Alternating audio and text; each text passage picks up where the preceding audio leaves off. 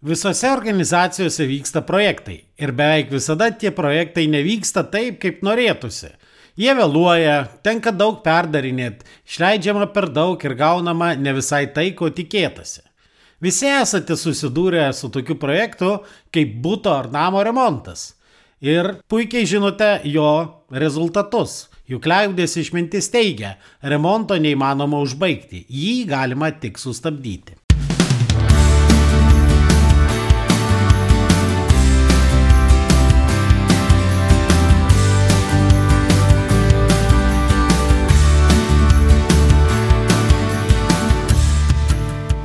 Sveiki, jūs klausotės podkasto Nuo amato prie verslo, kuriame tikima, kad verslas turi būti pajamų, pasiekimų ir pasitenkinimo šaltinis, o ne tik kelti stresą ir deginti laiką.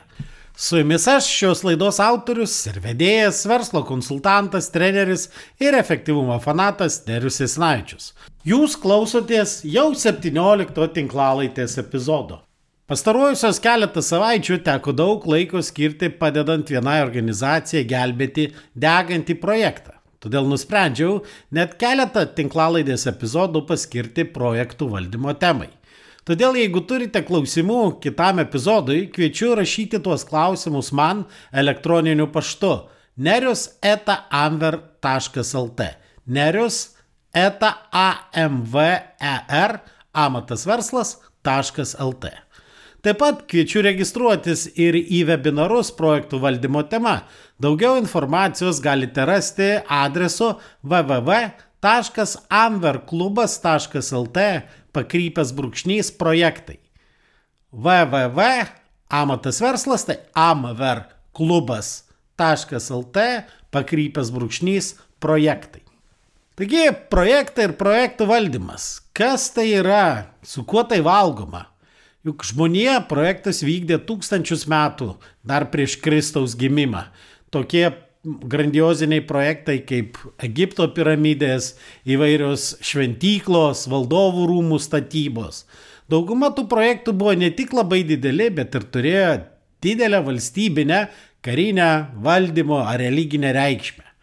Didelių ir valstybinę reikšmę turinčių projektų tradicija išliko ir iki šių dienų. Todėl nestebina, kad rimtesni bandymai projektų valdymą paversti mokslu buvo susiję su kariniais projektais. Dauguma iki šiol žinomų pagrindinių projektų valdymo įrankių ir terminų, tokie kaip Ganto diagrama, PERT tinklinis projekto grafikas, kritinio kelio metodas ir panašus, atėjo 20-ojo amžiaus viduryje darytų karinių programų Polaris raketų ar povandeninių laivų kūrimo projektų pagrindu. Projektų valdymo teorija teigia, kad projektas tai organizuotos pastangos padaryti ką nors naudinga. Aišku, patyrę didelių organizacijų projektų vadovai mėgsta juokauti, kad neretai projektai nėra nei organizuotos pastangos, nei labai naudingos. Darome kažką, bet kad būtų iš to kokios nors naudos. Tačiau Daugeliu atveju projektas tai yra vienoks ar kitoks problemos sprendimas. Vėlgi ta pati e, teorija sako, kad projektas tai suplanuotas vienokios ar kitokios problemos sprendimas. Taip pat projektas unikalus darbas, dažniausiai atliekamas pirmą ir paskutinį kartą, turintis konkretų tikslą ir pasireiškintis koordinuojamu keletos tarpusavėje susijusių veiklų atlikimu. Taip pat projektų valdymo metodikoje teigiama, kad kiekvienas projektas turi nustatytas pradžios ir pabaigos datas, aiškiai apibriežtą tikslą ir biudžetą. Tuo tarpu projektų valdymas apima planavimą, organizavimą, tvarkarašių sudarimą, vadovavimą, komunikavimą ir veiksmų kontroliavimą siekiant projekto tikslų per nustatytą laiką už nustatytą kainą. Šiuolaikinėse verslo organizacijose projektų valdymo apibrėžimo dažnai pakišamos labai įvairios skirtingos veiklos. Tai ir programinės įrangos kūrimas ar įsidėgymas, tai ir naujų įrengimų pirkimas bei paleidimas, naujo produkto sukūrimas, ir paleidimas į rinką, taip pat daug įvairiausios kitokios veiklos. Kiekvienas organizacijos vidurinės bei aukščiausios grandies vadovas susiduria su projektais savo kasdieninėje veikloje. O jeigu pasižiūrėt verslo savininko veiklą, tai jo 80 procentų laiko turėtų būti skiriama esminių strateginių projektų darimui ir valdymui organizacijoje. Kaip jau minėjau anksčiau, projektą apibrėžia trys kintamieji.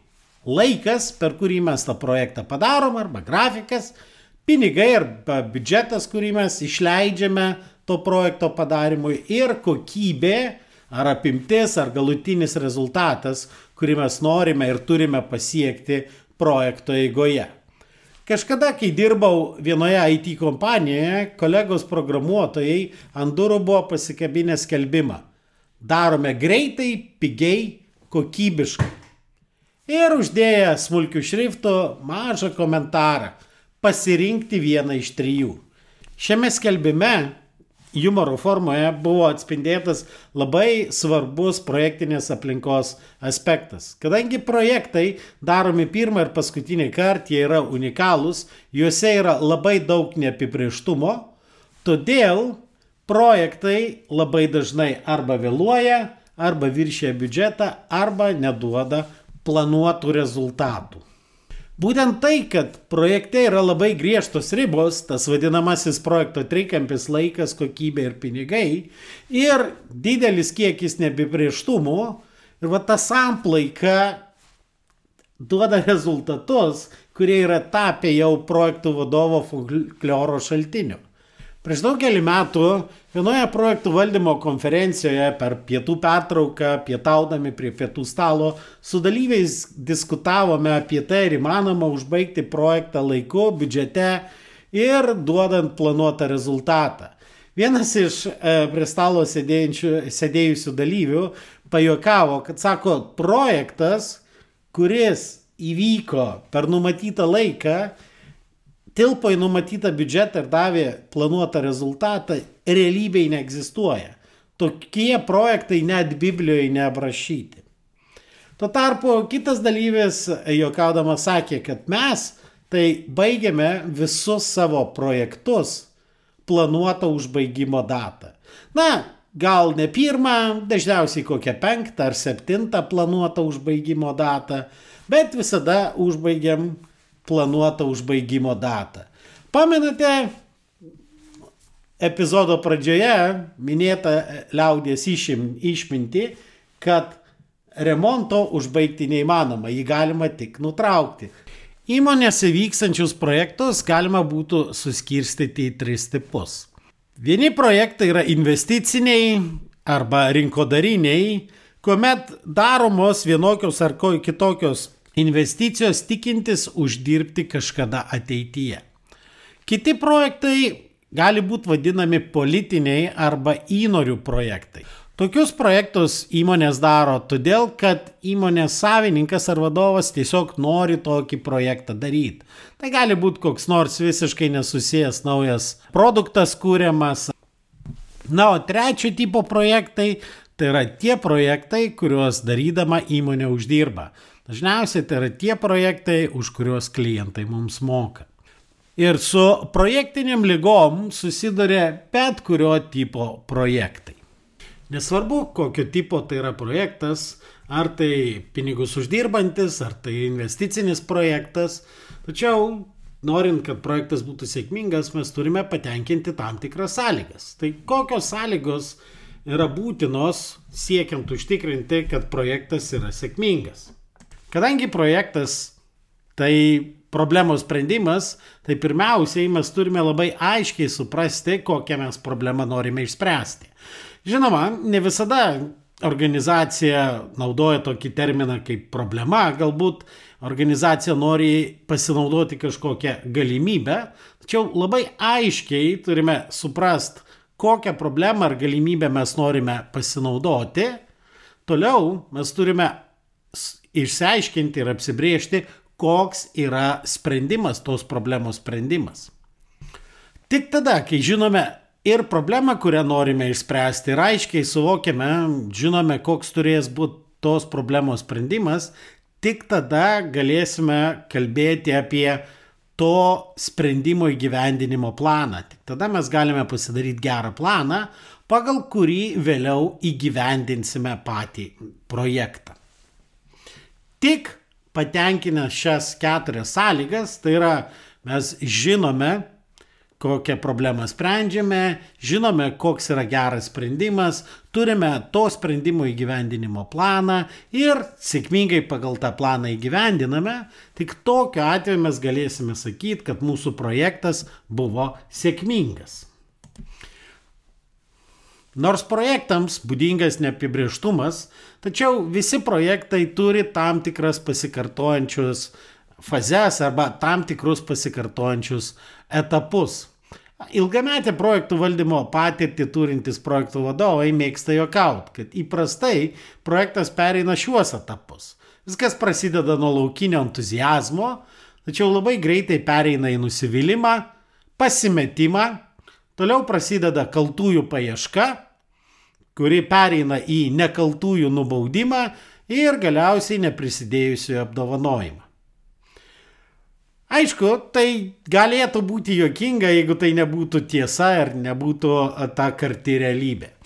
Tačiau tikrieji projekto etapai yra tokie. Inicijavimas, planavimas, vykdymas, kurio metu vyksta ir kontrolė, tai yra lyginimas su planu ir korekciniai veiksmai, bei projekto užbaigimas.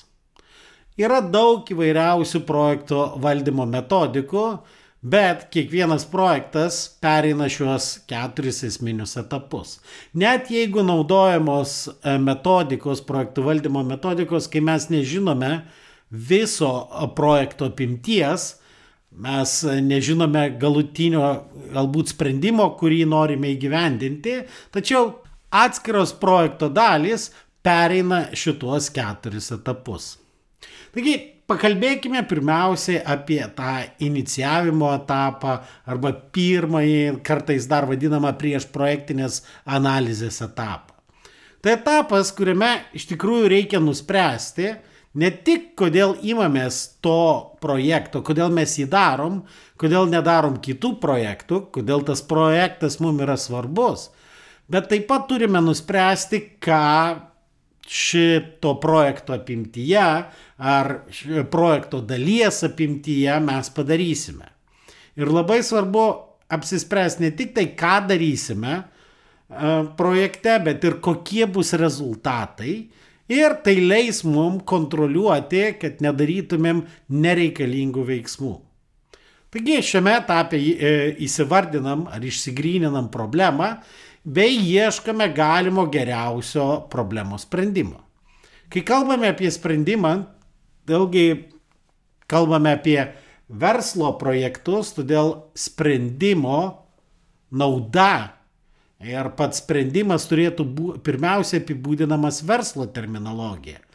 Tai yra, mes turime labai aiškiai suprasti, kaip vienas ar kitas projekto elementas padės organizacijai priartėti prie jos tikslo, tai yra uždirbti daugiau pinigų. Tarkim, mes turime projektą, kad norime atsinaujinti įmonės svetainę. Kodėl mes ją norime atsinaujinti? Geras projekto rezultatas turėtų būti ne tik tai nauja svetainė, bet ir padidėjęs potencialių klientų užklausų srautas, e, padidėjęs įmonės žinomumas ir padidėję pardavimai. Būtent inicijavimo ar prieš projektinės analizės etape apsisprendžiam ne tik tai, kas turi būti padaryta, pasiekta, bet taip pat labai svarbu apsibriežti, kas į šito projekto apimti nebus įtraukta. Nes jeigu nėra aiškiai apibrieštų projekto tikslų, labai nemaža tikimybė, kad projektas nesibaigs ir aiškios apimties nebuvimas ir yra ta pagrindinė priežastis, dėl ko daugelis projektų susiduria su tuo va, taip vadinamu tuo pačiu ar papildomai sindromu. Ką tai reiškia, kai mes pradedam kažką daryti, spręsdami e, vienokią ar kitokią problemą, bet tuo pačiu nusprendžiam kažką papildomai pasidaryti. Pamenat jau nekartą mano minėtą būto remonto projektą. Kaip manote, kodėl remonto projektas trunka daug ilgiau nei buvo planuota ir neretai tenka jį nutraukti, o ne pabaigti? Nes tokio projekto tikslai eigoje labai smarkiai keičiasi. Liaudės išmintis irgi sako, bevalgant apetitas auga. Viskas prasideda nuo smulkaus noro pasikeisti baldus virtuvėje, tačiau kyla vėliau noras perdažyti lubas, sienas, pakeisti plyteles vonioje, perdažyti ir atsiremontuoti koridorių ir taip toliau ir taip toliau. Kad tokių bėdų išvengtumėm, savo projektuose reikia aiškiai žinoti projekto tikslus. Projekto tikslai turi būti tiksliai apibriežti ir išmatuojami. Neveltui sakoma, kai nežinai, kurį uostą plauki, tai bet koks vėjas tau nepakeliui. Kai aiškiai vardintas tikslas, į kurį projektas turi nueiti, galima pereiti į planavimo etapą. Tačiau apie planavimą aš pakalbėsiu jau kitame epizode. Taip pat noriu priminti, kad Galite užduoti klausimus apie projektų valdymą man rašydami elektroniniu paštu nerius eta amver.lt, tai yra nerius eta amver.lt, taip pat galite registruotis į projektų valdymo webinarus adresu www.amverklubas.lt pakrypęs brūkšnys projektai. Iki kito epizodo. Dėkoju, kad klausėtės. Ir nepamirškite užsiprenumeruoti šį podcastą, kad visuomet gautumėte informaciją apie naujausias laidas. Taip pat būsiu labai dėkingas, jei įvertinsite šį podcastą palikdami atsiliepimą savo įprastoje podcastų platformoje. O jei pažįstate kažką, kam jūsų nuomonė šis podcastas būtų naudingas, būtinai pasidalinkite. Iki!